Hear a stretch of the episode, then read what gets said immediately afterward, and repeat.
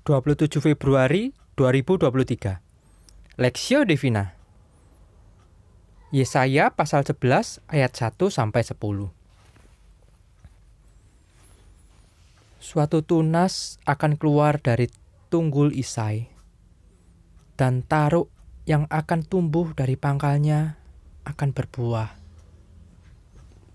Roh Tuhan ada padanya. Roh hikmat dan pengertian roh nasihat dan keperkasaan, roh pengenalan dan takut akan Tuhan. Ya, kesenangannya ialah takut akan Tuhan. Ia tidak akan menghakimi dengan sekilas pandang atau menjatuhkan keputusan menurut kata orang, tetapi ia akan menghakimi orang-orang lemah dengan keadilan dan akan menjatuhkan keputusan terhadap orang-orang yang tertindas di negeri dengan kejujuran. Ia akan menghajar bumi dengan perkataannya seperti dengan tongkat, dan dengan nafas mulutnya ia akan membunuh orang fasik. Ia tidak akan menyimpang dari kebenaran dan kesetiaan, seperti ikat pinggang tetap terikat pada pinggang. Serigala akan tinggal bersama domba, dan macan tutul akan berbaring di samping kambing. Anak lembu dan anak singa akan makan rumput bersama-sama, dan seorang anak kecil akan menggiringnya. Lembu dan beruang akan bersama-sama makan rumput, dan anaknya akan sama-sama berbaring. Sedang singa akan makan jerami seperti lembu. Anak yang menyusu akan bermain-main dekat liang ular tedung. Dan anak yang cerai susu akan mengulurkan tangannya ke sarang ular beludak. Tidak ada yang berbuat jahat atau yang berlaku busuk di seluruh gunungku yang kudus, sebab seluruh bumi penuh dengan pengenalan akan Tuhan. Seperti air laut yang menutupi dasarnya. Maka pada waktu itu, taruk dari pangkal Isai akan berdiri sebagai panji-panji bagi bangsa-bangsa. Dia akan dicari oleh suku-suku bangsa dan tempat kediamannya akan menjadi mulia. Raja damai perspektif. Ya, kesenangannya ialah takut akan Tuhan. Ia tidak akan menghakimi dengan sekilas pandang saja atau menjatuhkan keputusan menurut kata orang. Yesaya pasal 11 ayat 3. Setiap manusia yang hidup di dunia ini mendapatkan kedamaian. Manusia rela membayar mahal untuk pergi dari negara yang tidak aman menuju negara yang aman. Namun tetap saja mereka tidak menemui kedamaian yang sejati.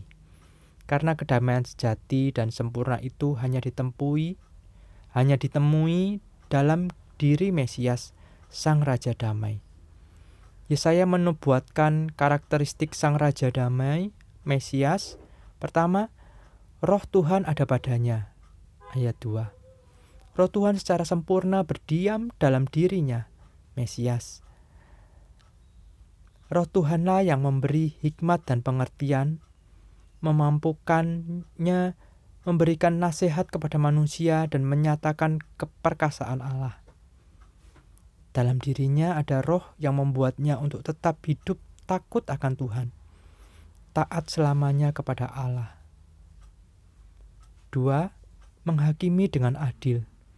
Mesias akan menghakimi dengan objektif dan sempurna. Ayat 3.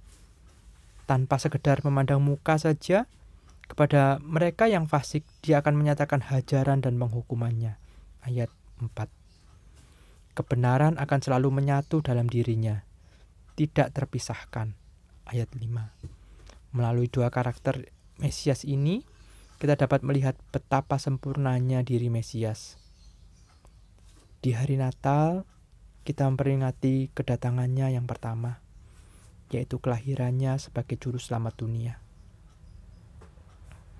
Di samping itu, kita juga diingatkan untuk menantikan pemerintahannya kelak, pemerintahan Sang Raja Damai.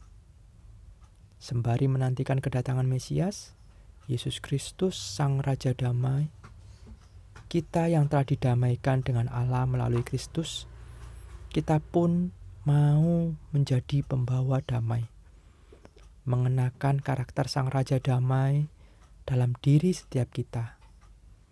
Memberikan diri sepenuhnya untuk dipenuhi Roh Kudus, agar hikmat, pengertian, nasihat ilahi dinyatakan melalui diri kita. Dikuasai oleh Roh Kudus, membuat kita hidup takut akan Tuhan selama-lamanya. Menyatakan Kristus sebagai Sang Raja Damai juga kita nyatakan melalui penilaian kita terhadap sesama, yang tidak sebatas penampilan luar saja, namun menilai dan memandang sesama kita dengan pimpinan Roh Kudus dalam kasih dan kebenaran. Studi pribadi, apakah dua karakteristik dari Mesias Sang Raja Damai? Adakah saudara makin bertumbuh dalam karakter Kristus yang dikerjakan Roh Kudus dalam diri saudara? Pokok doa, berdoalah bagi setiap jemaat Tuhan sehingga dalam hidupnya benar-benar memancarkan kedamaian dari Yesus Kristus.